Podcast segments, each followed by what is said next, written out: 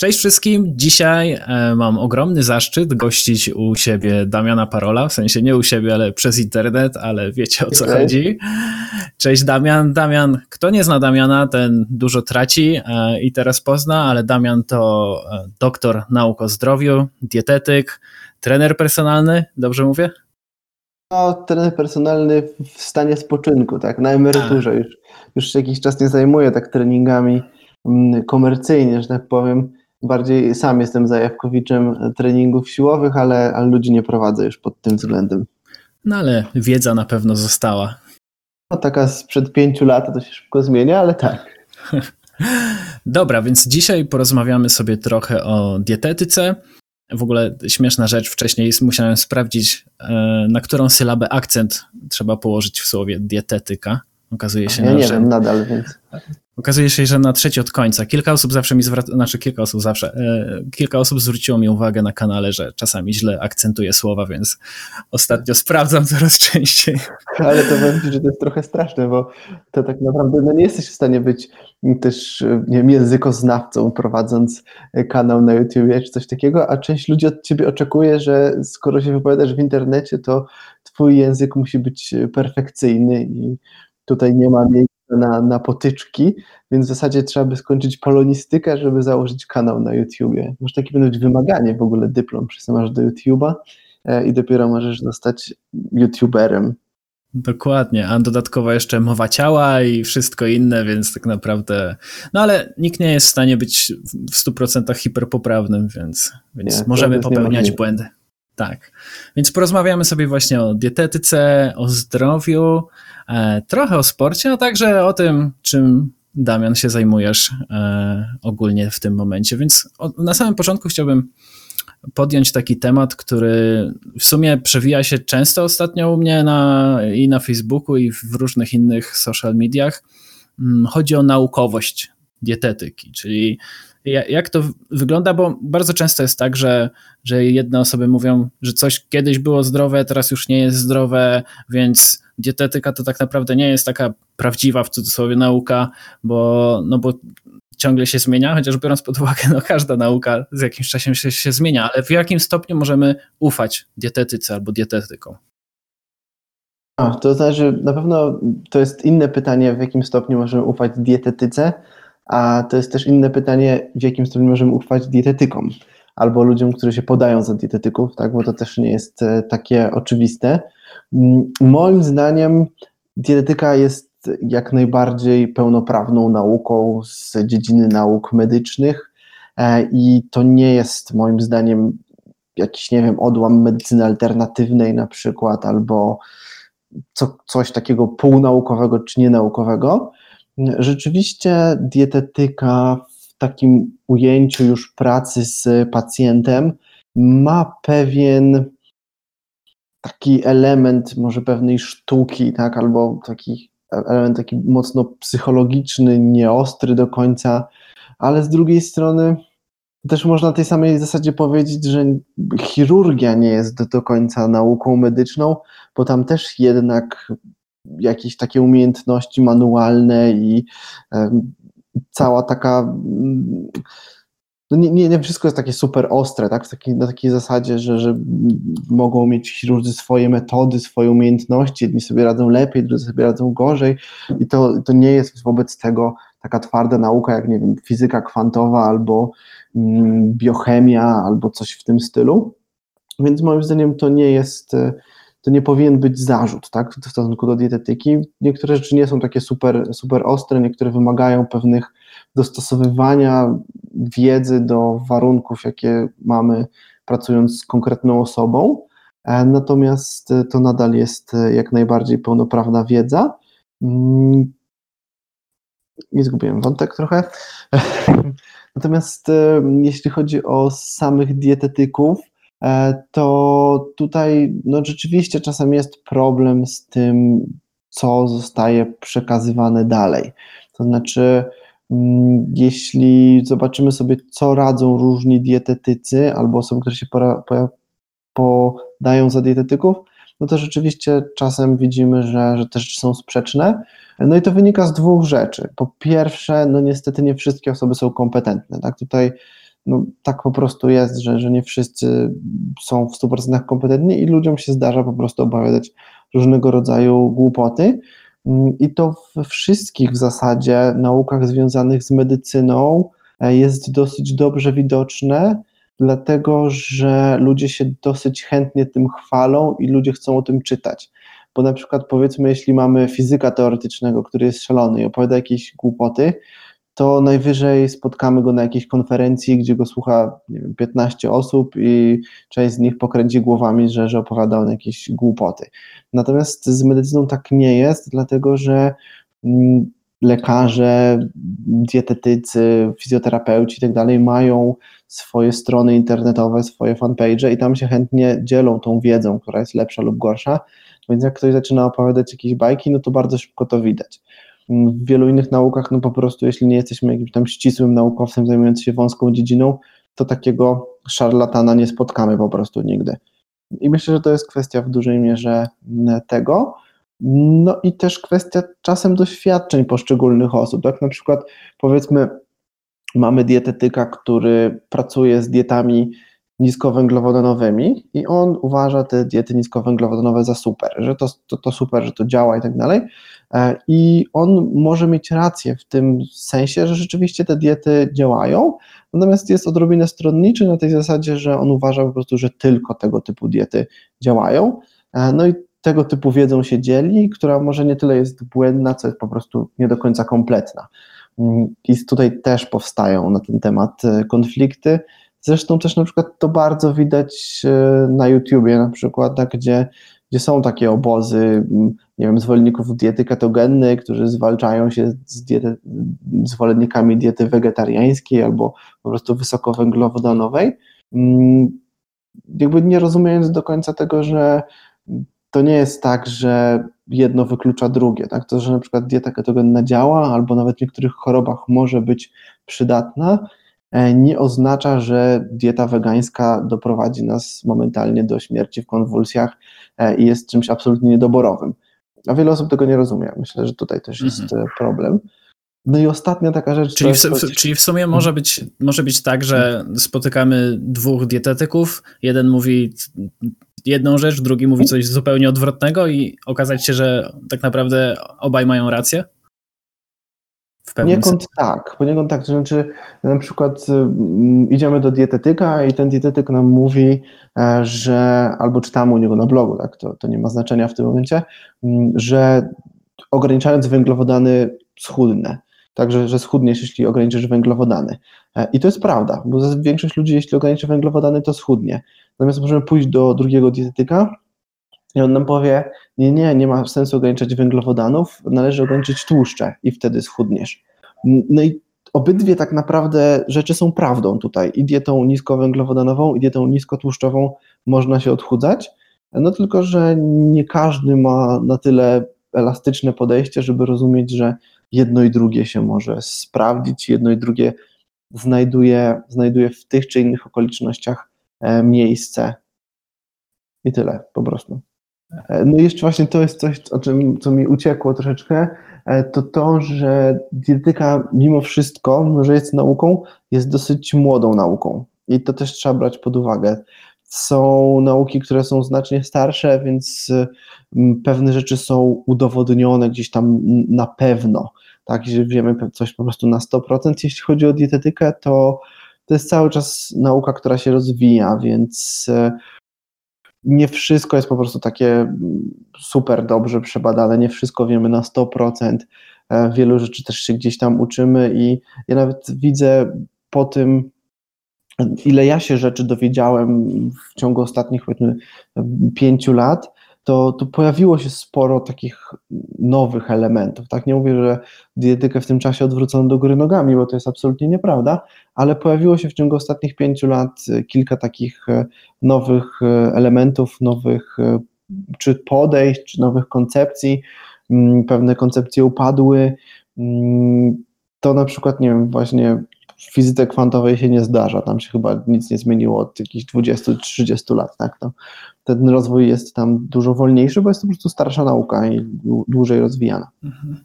A są już w dietetyce jakieś rzeczy, które są właśnie tak pewne, jak wspomniałeś wcześniej? Oczywiście w nauce jakby nie patrzeć, to nigdy nie można być w 100% pewny, ale takie, które są hmm. ugruntowane i których już w tym momencie nikt nie podważa. No, mało jest takich rzeczy, których nikt nie podważa, tak? Natomiast e, takich, których nie podważa nikt, kogo uznajemy za racjonalnego, tak? Nie licząc jakiegoś tam małego odsetka naukowców czy dietetyków, którzy, którzy się nie zgadają po prostu z nikim. Trochę tak jak z globalnym ociepleniem, tak? Mamy generalny konsensus, że globalne ocieplenie ma miejsce, no ale nadal jest chyba tam z 5% czy, czy może mniej nawet naukowców zajmujących się klimatem, którzy się z tym nie zgadzają. Tak więc mhm. tutaj ogromna większość ludzi czy naukowców potwierdza, że globalne ocieplenie istnieje, no ale jest tam jakiś 1%, tam, czy 1 czy 5%, które się nie zgadza, no to z takich rzeczy, z których się tam 95% mm, osób zajmujących dietetyką z, zgadza, to na przykład kwestia bilansu energetycznego. Tak? To jest taka podstawa tego wszystkiego.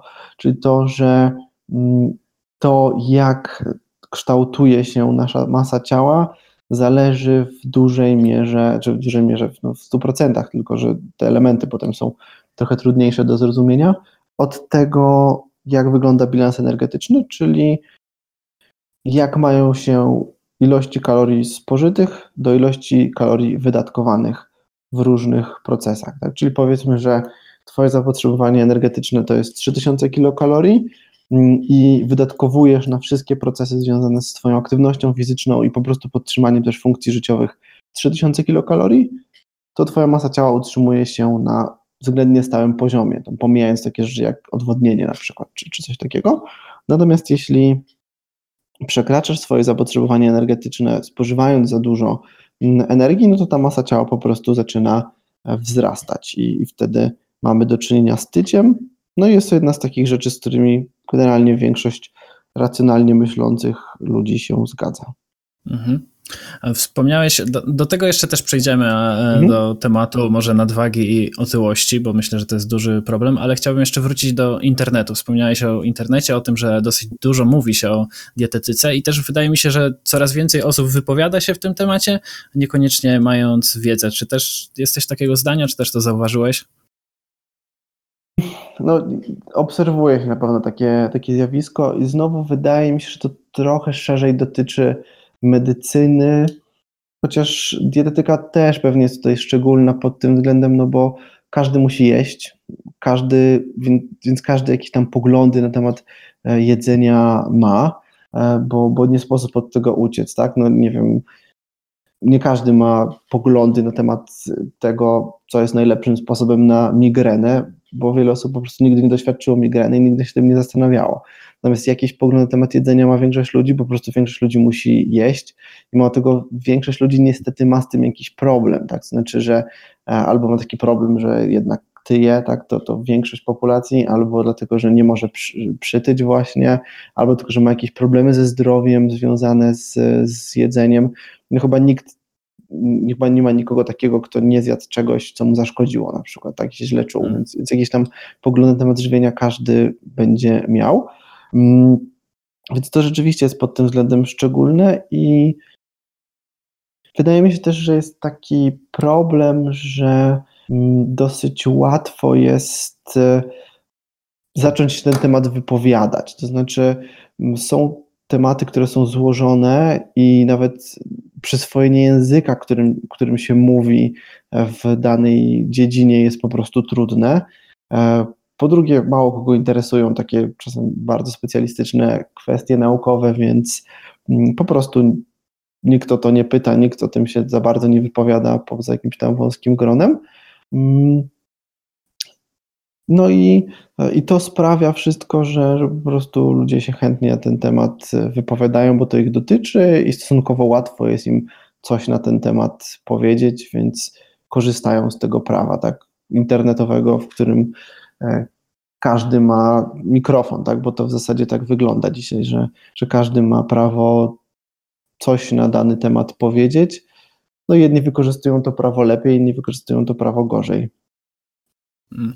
Ja też na przykład zauważyłem, że często osoby wypowiadają się w ten sposób, że stosujcie dietę taką, jaką podpowiada wam wasz organizm. Tak? Słuchajcie się mhm. swojego organizmu. Czy uważasz, że to jest szkodliwe, czy wręcz przeciwnie? Znaczy, na pewno istnieje coś takiego jak pewna świadomość ciała. To znaczy, że, że są osoby, które są bardziej wrażliwe na pewne sygnały z ciała i dzięki temu są w stanie w jakiś sposób tą dietą regulować. Mm, na przykład prawie każdy doświadczył stanu hipoglikemii, czyli stanu obniżonego poziomu glukozy we krwi i wtedy miał ochotę, żeby zjeść coś słodkiego i tak się czuł nie najlepiej, ale zjadł coś słodkiego i poczuł się dobrze. E, I to jest, e, czy lepiej po prostu. No i to jest taki przykład właśnie sytuacji, w której nasz organizm zgłosił pewną potrzebę, znaczy właściwie wystąpił pewien patologiczny stan w postaci obniżonego poziomu glukozy, no i my na to zareagowaliśmy adekwatnie, zjadając coś, co dostarczyło węglowodanów czy, czy cukrów mm, i poczuliśmy się dzięki temu lepiej. No I to jest no, jeden z takich właśnie mechanizmów, gdzie tam nasze ciało nam podpowiedziało, że co, co trzeba zrobić. E, natomiast te mechanizmy nie są szczególnie dobre, to znaczy one w pewnym zakresie się rzeczywiście sprawdzają, tak? Na przykład w przypadku tej hipoglikemii, w przypadku kiedy jesteśmy po prostu też bardzo głodni, to też jest e, podobna sytuacja. E, natomiast e, wiele osób, jeśli miałoby jeść zgodnie po prostu z intuicją, z tym, co, co im ciało podpowiada, to prawdopodobnie jedliby raczej kiepsko. Znaczy sięgaliby po produkty, które są przed bardzo gęste energetycznie, mają bardzo dużo kalorii, dlatego że my ewoluowaliśmy w czasach, kiedy tego jedzenia po prostu było mało i naszą naturalną tendencją jest jeść raczej za dużo niż za mało. Tak? Bardzo niewielka ilość osób mm, ma te mechanizmy sytości tak wyregulowane, że albo one działają idealnie i te osoby nie zmieniają swojej masy ciała przez całe lata, albo nie dojadają. Tak? Bo takie osoby też się zdarzają. Tak? Są takie osoby, które jak jedzą zgodnie ze swoim apetytem, to, to chudną, tak? albo e, są po prostu bardzo wychudzone. Mm, ale to się zdarza niezmiernie rzadko. 80, a może 90% z nas ma ten problem, że jeśli je mniej więcej zgodnie z intuicją, to je za dużo. Mm, więc e, moim zdaniem większość osób jednak nie ma jakby dostępu do, do takich mm, do takich informacji z ciała, które pozwalałyby im jeść w 100% intuicyjnie e, i jeść zdrowo. Tak? Jednak większość osób prawdopodobnie będzie popełniać, popełniać błędy i i raczej nie będzie podejmować dobrych decyzji żywieniowych, opierając się tylko i wyłącznie na tym, co im się wydaje, że to płynie, że, że no, opierając się tylko i wyłącznie na tych informacjach, które płyną z ich ciała. Mhm. A są też osoby, które podchodzą do tego z zupełnie innej strony i stosują różne tak zwane detoksy, głodówki, oczyszczania organizmu e, i cokolwiek to znaczy. Masz jakieś zdanie na ten temat? No, na pewno znasz, bo myślę, że to też dosyć popularne ostatnio się zrobiło, przynajmniej tam, gdzie ja trafiam. Może powinienem się bać tego, gdzie ja trafiam, że trafiam na takie rzeczy, ale, ale no, czy to też jest problem, albo czy, czy może ma to sens w jakimś kontekście? Czy tutaj bardzo duży problem z detoksem, z tym, z tym pojęciem jest to, że prawie nikt, kto się tym zajmuje, nie tłumaczy o co chodzi i co ma tak naprawdę na myśli, co moim zdaniem jest pewną też sztuczką, tak? bo detoks to jest coś, co brzmi dobrze, każdy sobie mniej więcej wyobraża, co to powinno znaczyć, e, natomiast e, ciężko jest kogoś złapać za rękę i powiedzieć, nie, nie, przecież to jest zupełnie co innego, tak? Ty tłumaczyłeś przed chwilą, że to chodzi o to, a tak naprawdę to może chodzi o coś zupełnie innego, tak? Po prostu nikt się, to jest taki trochę wytrych, tak? Czyli po prostu niby wszyscy wiedzą o co chodzi, a tak naprawdę to nikt nie wie o co chodzi. Mm, no i teraz, jeśli podejdziemy do tego tak stricto medycznie, no to możemy założyć, że chodzi o to, że nasz organizm ma jakieś toksyny w sobie, których powinniśmy się pozbyć, no i przeprowadzamy jakąś procedurę, która te toksyny ma wypłukać.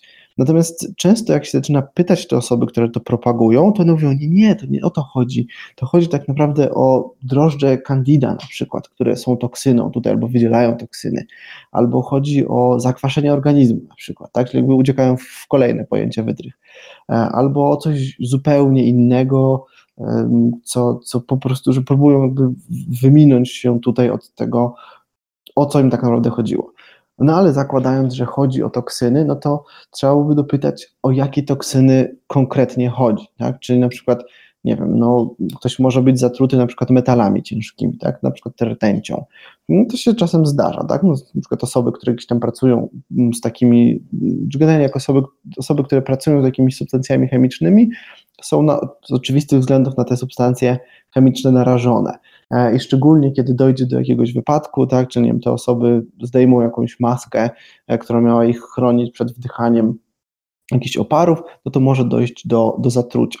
Tylko, że to jest bardzo konkretna sytuacja, bardzo szczególna, gdzie zazwyczaj wiemy, co taką osobę zatruło, możemy to wykryć we krwi, możemy w jakiś sposób tą krew przefiltrować przed, przez dializy albo podać jakąś substancję, która będzie wiązać te, te toksyny. I to jest coś takiego bardzo konkretnego i też no, nie do przeoczenia, tak? No, nie ma takiej sytuacji, żeby ktoś się zatruł i w ogóle nie miał tego świadomości. Natomiast tutaj mówimy właśnie o czymś takim bardzo nieuchwytnym, czyli o sytuacji, w której rzekomo jesteśmy skażeni jakimiś toksynami, na które coś pomoże e, i może nam będzie od tego lepiej. Tak? I pytanie o konkrety zwykle kończy się jakimiś wymieniającymi odpowiedziami albo e, próbą przekonania nas, że tak naprawdę to chodziło o coś zupełnie innego e, i w sumie to mm, nie chodziło o żadne toksyny, tylko właśnie o zakwaszenie albo jakąś kandidę, albo jakieś inne jeszcze bardziej egzotyczne problemy. Dlatego, reasumując, ja jestem przeciwnikiem tego typu podejść. Zdarza się, że ktoś jest czymś zatruty, natomiast to wymaga konkretnej interwencji e, medycznej. W zasadzie nigdy nie wymaga to interwencji dietetycznej, tak? To jest coś, co po prostu leży zupełnie poza sferą dietetyków. E, no i też wymaga oczywiście bycia bardzo precyzyjnym, bo, bo konkretna toksyna wymaga konkretnego podejścia. Tutaj też właśnie wspomniałeś o tych głodówkach, bo rzeczywiście często głodówki są jakimś tam pomysłem na detoks, ale tak naprawdę to jest e, absolutnie kontrproduktywne, e, dlatego że zakładając, że chodzi o toksyny, które znajdują się w naszym organizmie, to nasz organizm bardzo często kumuluje toksyny właśnie w tkance tłuszczowej, bo to jest po prostu jedno z takich miejsc, gdzie one tam po pierwsze się rozpuszczają po prostu w tłuszczach i tam łatwo je zdeponować, poza tym to jest no, odsunięcie tych toksyn od, od innych narządów, co też ma pewne, pewne zalety i u osób, które się odchudzają, zwykle stężenie mm, niektórych substancji toksycznych wzrasta we krwi czyli takie osoby paradoksalnie się podtruwają. Mm, I to nie jest problem w większości przypadków. Ja nie chcę powiedzieć, że teraz odchudzanie jest problemem z tego powodu, bo zwykle i tak to nie są takie ilości, które mogą w jakiś sposób zaszkodzić, no ale niemniej coś takiego mm, ma miejsce rzeczywiście e, i gdyby ktoś na przykład sobie badał krew e, przed taką głodówką i po głodówce, to mógłby się zdziwić tym, że tak naprawdę tych substancji toksycznych w jego krwi jest więcej. Hmm, to w sumie bardzo ciekawe. Takie... No to, ale to, to oczywiście też jakby nie chcę nikogo straszyć, bo to nie o to chodzi, że, że to jest problem. Tak, to ewentualnie w jakiejś takiej sytuacji mógł być problem, jak powiedzmy mamy osobę, która właśnie pracuje z jakimiś toksycznymi substancjami, była narażona z jakiegoś powodu w dzieciństwie na przykład, mm, to, to i, i później na przykład mm, no i nabrała gdzieś tam tkanki tłuszczowej w, w ciągu życia, a potem próbuje się odchudzać, to może mogłoby dojść do jakiegoś tam mm, podtrucia, tak, które by wymagało jakiejś tam interwencji medycznej, ale przyznam, że nie spotkałem się z tym nigdy. To jest po prostu tak, taka teoretyczna, jakiś taki teoretyczny mechanizm, który mi przychodzi do głowy, teoretyczna sytuacja, jest nigdy nie spotkałem się w, z żadnym przypadkiem opisanym, żeby, żeby ktoś miał tego typu kłopot. Mm. E, czasami też właśnie te głodówki, posty sokowe łączą się z dietą surową albo wręcz frutarianizmem, które są dosyć restrykcyjnymi dietami i wiem, że nie, nie, jesteś, nie jesteś największym fanem na przykład witarianizmu. Mógłbyś nie, powiedzieć nie, coś więcej, dlaczego tak jest?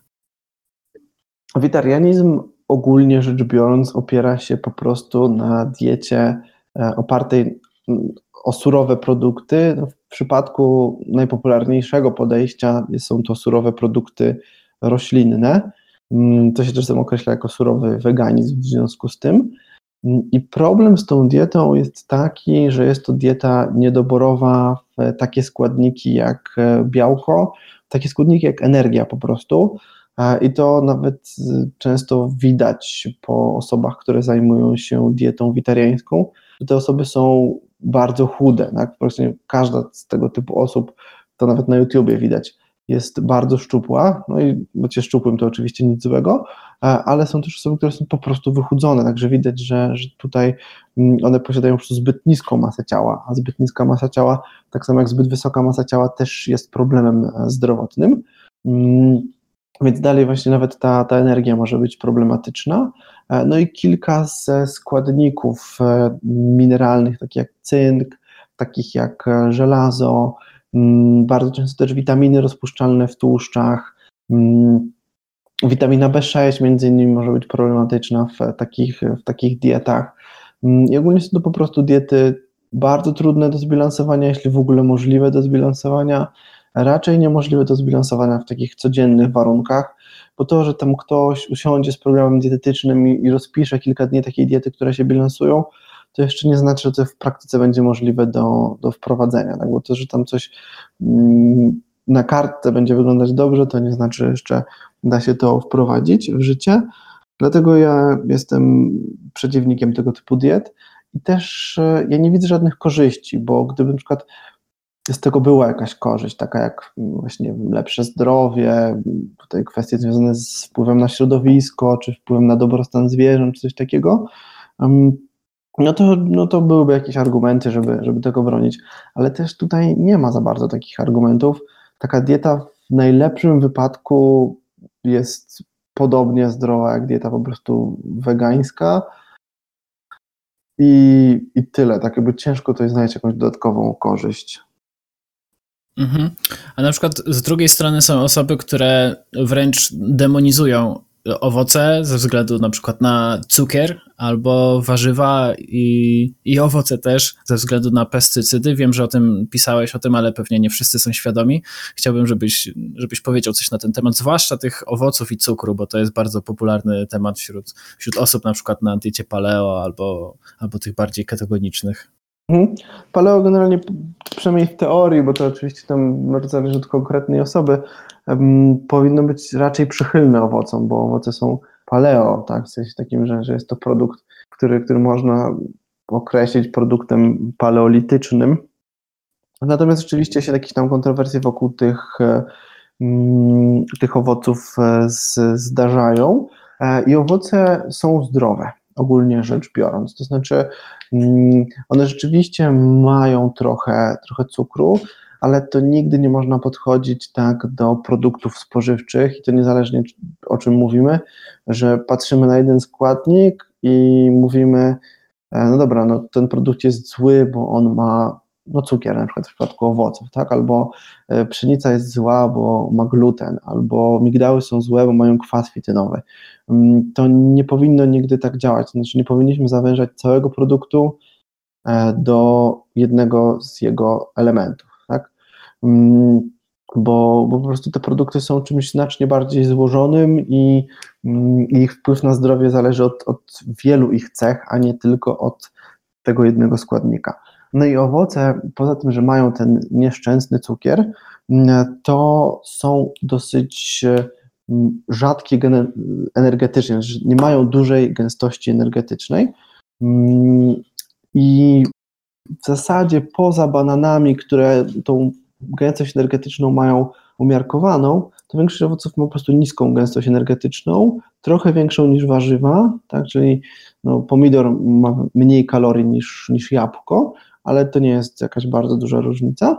Mm, więc w większości przypadków e, jedzenie owoców nie będzie przyczyniać się do nadmiernej konsumpcji energii, e, więc nie będzie się też przyczyniać do zwiększenia ryzyka otyłości, czy też po prostu wzrostu masy, masy ciała.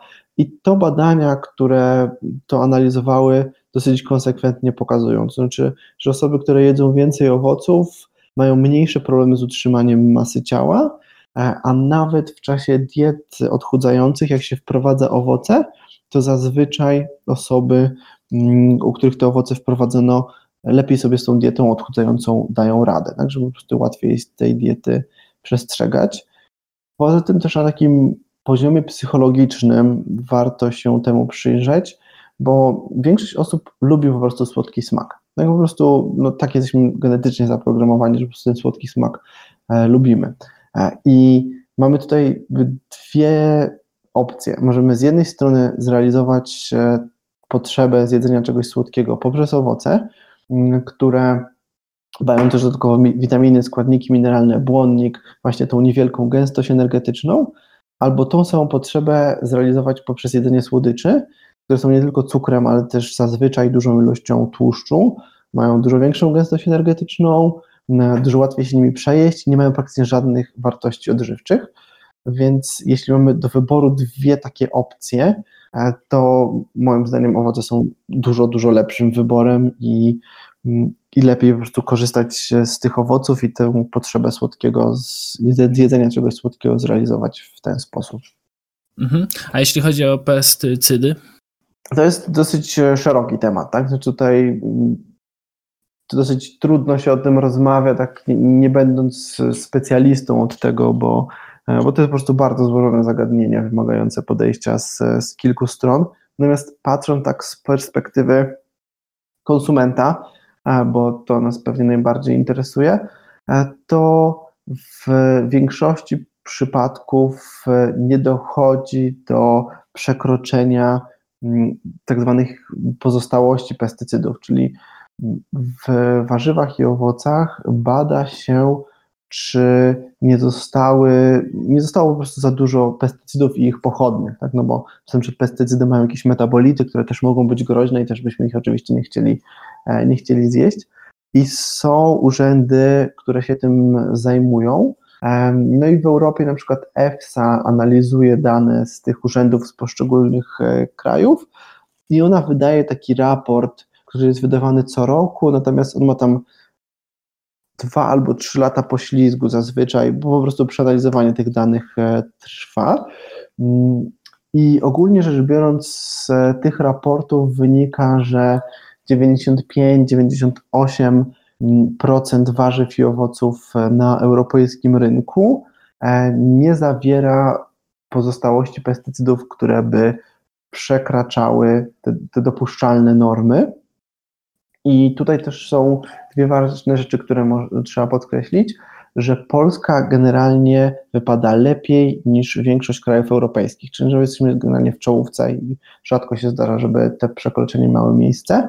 A druga rzecz jest taka, że mm, te normy na przekroczenia pozostałości pestycydów są bardzo wyśrubowane.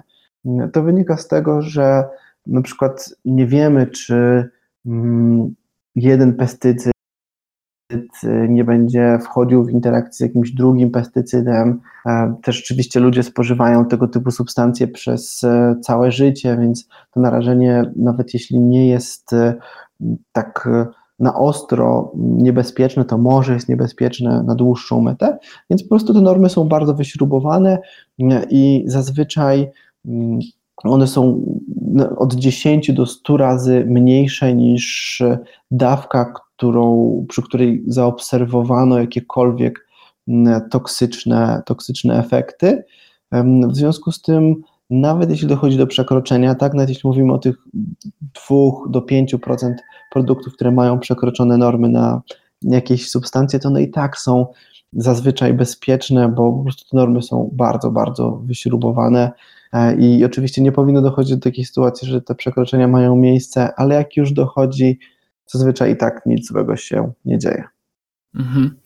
E, chciałbym teraz na chwilę zmienić temat trochę i, i powiedzieć o tym pokrótce, bo, bo to też jest bardzo szeroki temat, ale, ale chciałbym chociaż takie nakreślić ramy.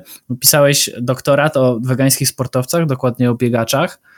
Mm, I chciałbym właśnie dopytać, jak to jest z weganizmem i sportem, bo, bo często spotykam się z dwiema zupełnie różnymi opiniami. Jedne osoby mówią, że, że to zupełnie nie współgra, a z drugiej strony mamy osoby, które, które są tak zachwycone, że uważają, że, że weganizm e, super poprawia osiągi i tak naprawdę można je mieć lepsze. Zwłaszcza wśród biegaczy zauważyłem ten, e, ta, taką odpowiedź. No jak to jest, jak to jest naprawdę?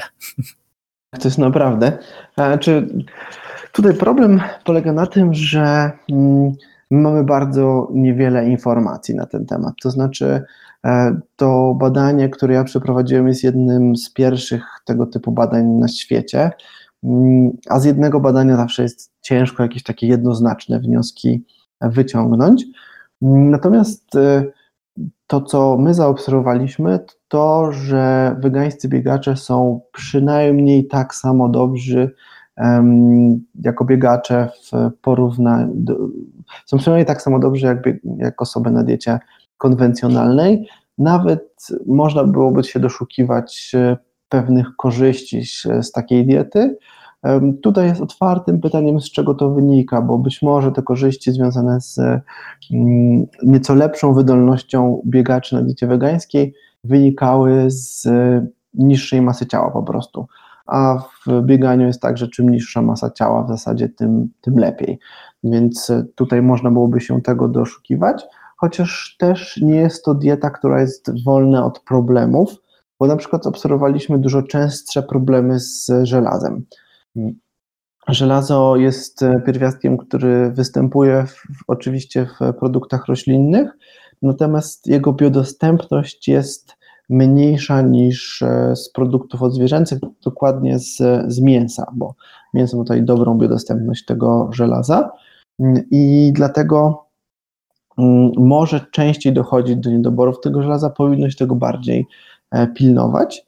Natomiast jeśli to zostanie przypilnowane, to moim zdaniem, znaczy to i kilka innych oczywiście aspektów diety wegańskiej, mm, to moim zdaniem należy uznać, że biegacze czy, czy wszyscy sportowcy na diecie wegańskiej będą tak samo dobrzy jak mm, sportowcy na diecie konwencjonalnej. Natomiast wracając do tej kwestii, czy, czy weganizm może sprawiać, że e, biegacze czy inni sportowcy będą lepsi, to moim zdaniem nie. To znaczy nie widzę tutaj mechanizmu, w którym to miał, ta dieta miałaby sprawiać, że, że sportowcy będą w jakiś istotny sposób lepsi. Raczej są po prostu tak samo dobrymi sportowcami, jeśli ta dieta jest e, dobrze zbilansowana. Teraz chciałbym przejść do takiego, przynajmniej dla mnie chyba najważniejszego punktu, bo kwestia tego, co, co robimy źle i co jest największym teraz problemem, jeśli chodzi o, o kwestie dietetyczne. Bo nie wiem, czy też tak uważasz, ale, ale nadwaga i otyłość chyba w dzisiejszym XXI wieku jest bardzo dużym problemem. Mm, I się zastanawiałem, z czego, to, z czego to tak naprawdę wynika. Oprócz tego, że mamy dostępność po prostu dużej liczby produktów, ale jakie nawyki żywieniowe najbardziej na to wpływają? E, no jak sobie, jak sobie z tym poradzić? I też, też się zastanawiałem, ostatnio czytałem o tym, że ten system BMI, BMI e, jest już trochę przestarzały i tak naprawdę chyba nie do końca powinniśmy się nim kierować. Powiedz, co o tym myślisz, bo chciałbym się dowiedzieć. Okej. Okay. To może zacznę od takiej naj, najkrótszej kwestii, no to jeśli chodzi o BMI, BMI dobrze się sprawdza na takim poziomie populacyjnym, no, czyli jeśli badamy całą populację liczącą w tysiącach osób, to BMI sprawdza się bardzo dobrze.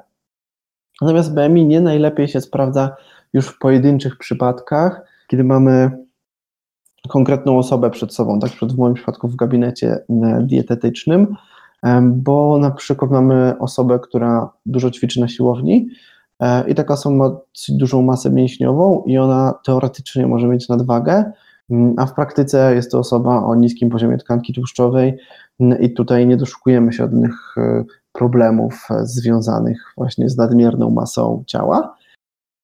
Mm, więc po prostu jest to wskaźnik, który dobrze się sprawdza populacyjnie, patrząc właśnie na, na całe kraje, tak, czy na większe grupy ludzi, a nie sprawdza się po prostu w indywidualnych przypadkach i takie liczenie przed sobie samemu BMI no nie ma jakiegoś dużego sensu, bo mamy dużo lepsze wskaźniki, tak? Na przykład obwód talii jest dużo lepszym wskaźnikiem tutaj. Tak? Jeśli ktoś ma obwód talii, który przekracza połowę jego wzrostu, no to powinien zacząć się martwić, tak? To tutaj zaczyna być problem z tym i, i warto jest tą, tą masę ciała redukować wtedy.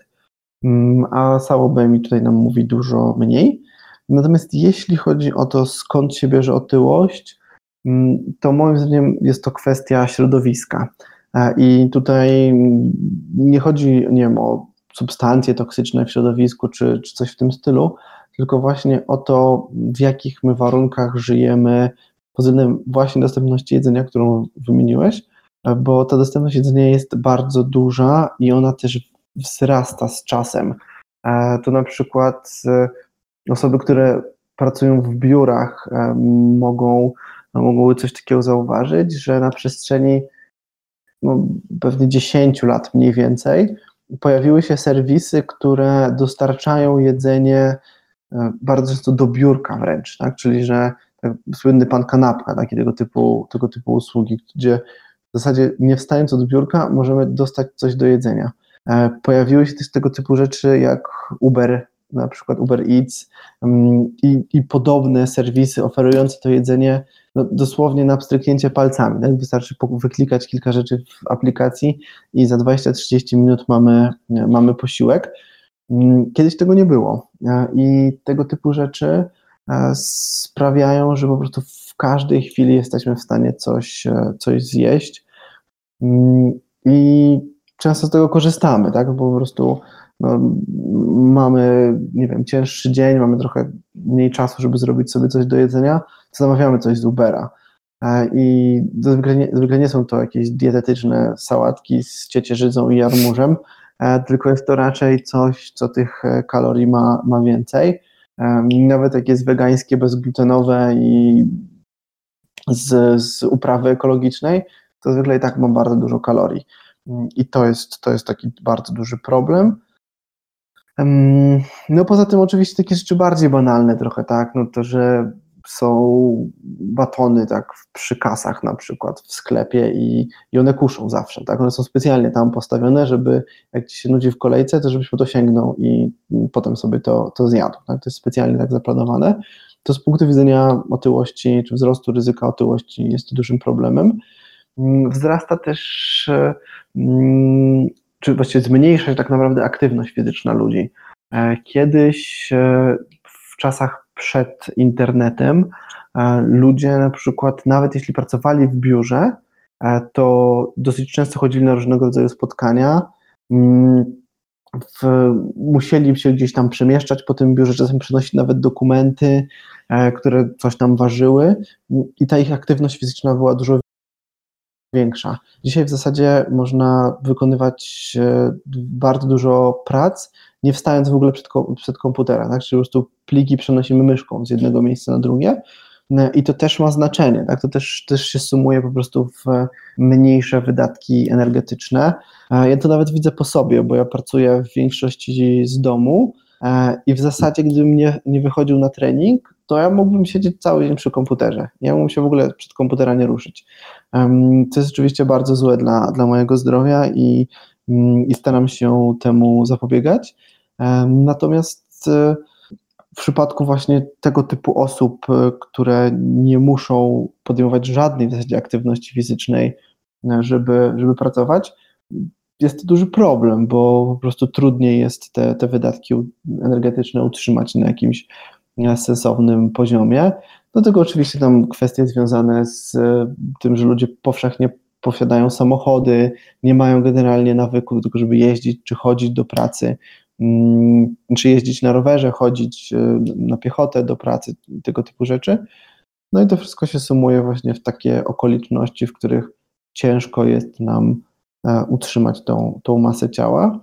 I prawdopodobnie ten problem się będzie zwiększał, i moim osobistym zdaniem e, dużo też pracy jest do wykonania tak systemowo, czyli powinniśmy myśleć o rozwiązaniach, które będą sprawiać, że mm, ta dostępność jedzenia się będzie zmniejszać, że może, chociaż na to nie mam, przyznam, żadnego dobrego pomysłu, jak to zrobić, żeby zwiększać też aktywność fizyczną ludzi w jakiś sposób zachęcać ich do tego, mm, bo inaczej ten problem otyłości będzie, będzie wzrastał i, i nie poradzimy sobie z tym jako ludzkość, tak mówiąc bardzo doniośle. A jeśli byś miał Wiem, że to jest upraszczanie problemu, ale czasami ludzie potrzebują takich prostych wskazówek. A myślisz, że co dietetycznie jest naj, największym problemem teraz? Czy to są tłuste rzeczy, czy to są słodkie rzeczy, czy to są na przykład napoje? Jeśli ktoś miałby zrezygnować z jednej rzeczy, która największy wpływ by przyniosła temu, żeby, żeby schudnąć, to na którą byś zwrócił uwagę? Czy można w ogóle coś takiego zrobić? Na pewno słodycze są dużym problemem. Tak? To jest na pewno, na pewno istotny, istotny problem. W niektórych przypadkach problemem są też słodzone napoje, e, w tym soki. Tak? To też jest dosyć istotne, że wiele osób postrzega soki jako coś e, bardzo zdrowego. Natomiast jeśli ktoś pije sporo soków, to może dostarczać bardzo dużo kalorii w ten sposób, które nie mają w zasadzie żadnego wpływu na uczucie sytości. Czyli jeśli ktoś zje powiedzmy 5 pomarańczy, to będzie tym najedzony przynajmniej na powiedzmy dwie godziny. A, ale jak ktoś wypije szklankę soku z tych pomarańczy, to w zasadzie tego nie zauważy, tak? To no fajnie, dobrze smakował ten sok, świeżo wyciskany, wszystko, wszystko super, ale na uczucie sytości to nie ma większego wpływu. E, I, I to jest tutaj problem. Podobnie właśnie ze wszystkimi napojami typu, typu cola, tak, i różnego, różnego typu słodzonymi napojami. Mm, sporym problemem są też e, posiłki w restauracjach, czy różnego rodzaju mm, takie jedzenie, które, które można zamówić e, do domu, czy, e, czy właśnie do biura z, z różnych miejsc. Mm, I to są rzeczy, które nie zawsze nam się jakoś tak bardzo źle kojarzą. To znaczy, większość ludzi ma świadomość, że fast food jest niezdrowy, że może przyczyniać się do nadmiernej konsumpcji kalorii i tak dalej, ale jak na przykład pójdzie na burgera, czy to wegańskiego, czy, czy niewegańskiego, z takiej fajnej burgerowni, gdzie to wszystko jest, no nie ma atmosfery takiego fast fooda, tylko raczej powiedzmy jedzenia premium, to może mu się wydawać, że, że podjął dużo zdrowszą decyzję, także że, że będzie dzięki temu zdrowszy, że zje mniej kalorii, ale jest to złudzenie zazwyczaj. Znaczy, zazwyczaj, gdybyśmy sobie porównali takiego burgera z fast fooda i takiego burgera z, z fajnej, lokalnej burgerowni, to zwykle tam nie będzie jakiejś istotnej różnicy między nimi. Tak? Czyli taki obiad w fast foodzie będzie miał powiedzmy 1200 kilokalorii i w takiej burgerowni też będzie miał 1200 kilokalorii.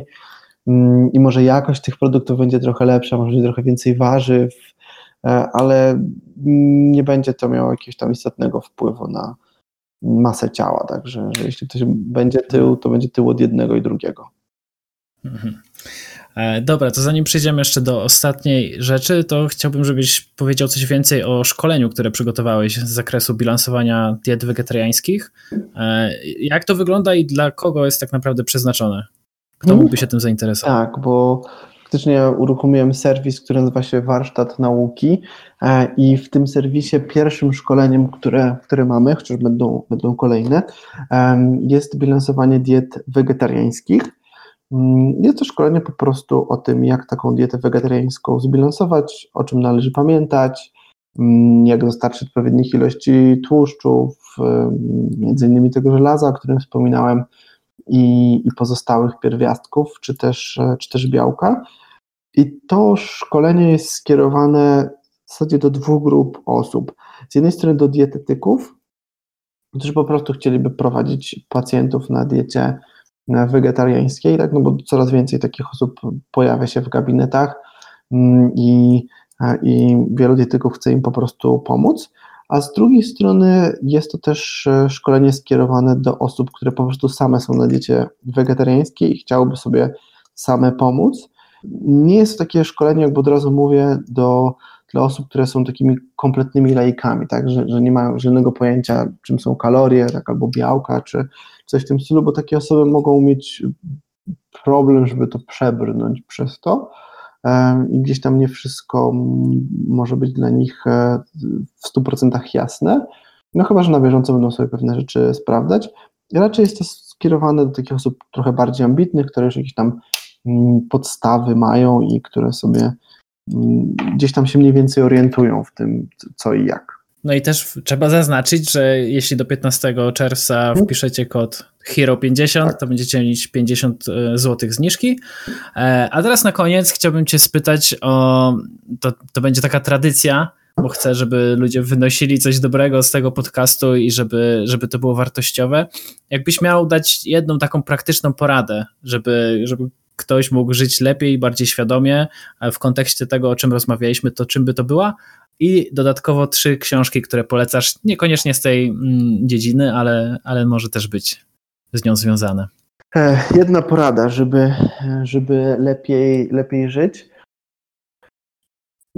Dobrym początkiem, jeśli ktoś ma problem ze zbilansowaniem swojej diety albo z takim po prostu zdrowym podejściem do jedzenia, to jest, jeśli tego nie robi oczywiście, to jest kodowanie sobie samodzielnie przynajmniej części posiłków, tak, żeby odzyskać pewną kontrolę nad tym, co jemy, bo wiele osób ma taki problem, że większość posiłków e, kupuje e, gdzieś albo ktoś inny im przygotowuje te posiłki. Tak naprawdę te osoby nie do końca wiedzą, co one jedzą. Tak? To znaczy te osoby po prostu dostają pewien posiłek i nie zdają sobie sprawy, co w tym posiłku tak naprawdę jest, a robienie sobie chociaż części posiłków samodzielnie bardzo pomaga odzyskać tutaj kontrolę nad tym, nauczyć się, łatwiej jest wtedy też co z czego wynika tak, co ile ma kalorii, dostarcza jakich składników odżywczych, a nie tylko taki bazujemy po prostu na tym, co, co dostaliśmy. I moim zdaniem to jest ważne, tak, żeby przynajmniej część posiłków robić sobie, sobie samodzielnie, nawet jeśli nie jesteśmy w stanie przygotować każdego posiłku e, samemu, żeby po prostu chociaż e, przez część tygodnia tak zrobić, albo w jakimś najmniejszym zakresie. Natomiast jeśli chodzi o książki, to jedną z takich książek, które ja bardzo polecam i uważam, że warto je przeczytać, e, to jest Piknik na skraju drogi. To jest jedna z takich książek braci Strugackich którą, którą warto przeczytać. E, tutaj ciężko się opowiada o tej książce, mm, nie zdradzając, co chodzi, tak? czym jest tak naprawdę piknik na skraju drogi, bo sama ta opowieść w zasadzie jest tylko mm, pretekstem do tego, żeby opowiedzieć właśnie o pikniku na skraju drogi i, mm, jaki ma to wpływ na nasze życie, albo jak to jak powinniśmy postrzegać nasze życie, może bardziej tak nawet, bo uczy to pewnej pokory, moim zdaniem, i warto tą książkę przeczytać. Mm, natomiast e, z takich książek e, związanych e, może bardziej z moją branżą, jest taka książka Spektrum doktora Ornisza, którą też polecam. Jest to książka o diecie wegetariańskiej albo takiej bardzo roślinnej, tak? bo to nie jest może książka, która jakoś tam bardzo promuje dietę taką w 100% wegańską, ale bardzo roślinną, tak? gdzieś tam minimalizującą raczej produkty odzwierzęce. Mm, I dosyć też e, fajnie ta książka pokazuje, że nie powinniśmy być tacy zero-jedynkowi, tak? Czyli to, że nie opieramy swojej diety na tylko i wyłącznie zdrowych produktach, to nie znaczy, że nie warto jest wprowadzać jakichś pozytywnych zmian, tak? Czyli, że, że każdy gdzieś tam na tym właśnie spektrum tytułowym się znajduje, e, bo jak ktoś jest e, młody, aktywny fizycznie, nie ma żadnych problemów ze zdrowiem, to nie musi przestrzegać tak restrykcyjnej diety, jak na przykład osoba, która ma już problemy wynikające ze złej diety, tak, na przykład cukrzycę typu drugiego. Tak, taka osoba będzie musiała w tą dietę włożyć dużo więcej pracy, żeby wyciągnąć e, korzyści. A to jest chyba coś, o czym się zapomina, tak? Znaczy, mm, bardzo często podejście wielu dietetyków jest takie bardzo restrykcyjne, bardzo zero-jedynkowe, tak? Niektórzy nawet dzielą po prostu produkty na zdrowe i niezdrowe, albo czyste i nieczyste, tak? I nie patrzą na to, co jest pomiędzy, albo co zależy od jakiegoś kontekstu. Więc to byłaby taka mm, druga książka, którą bym polecił. Hmm. I może z takich, e, z ostatniego tytułu, który, który jest interesujący, mm, chociaż jest taka, może nie taka książka, którą polecam tak jakby po wsze czasy, tak, że będę zawsze nie pamiętał, ale czytałem ją stosunkowo niedawno i um, zrobiła na mnie dobre wrażenie, więc, więc też ją chętnie polecę.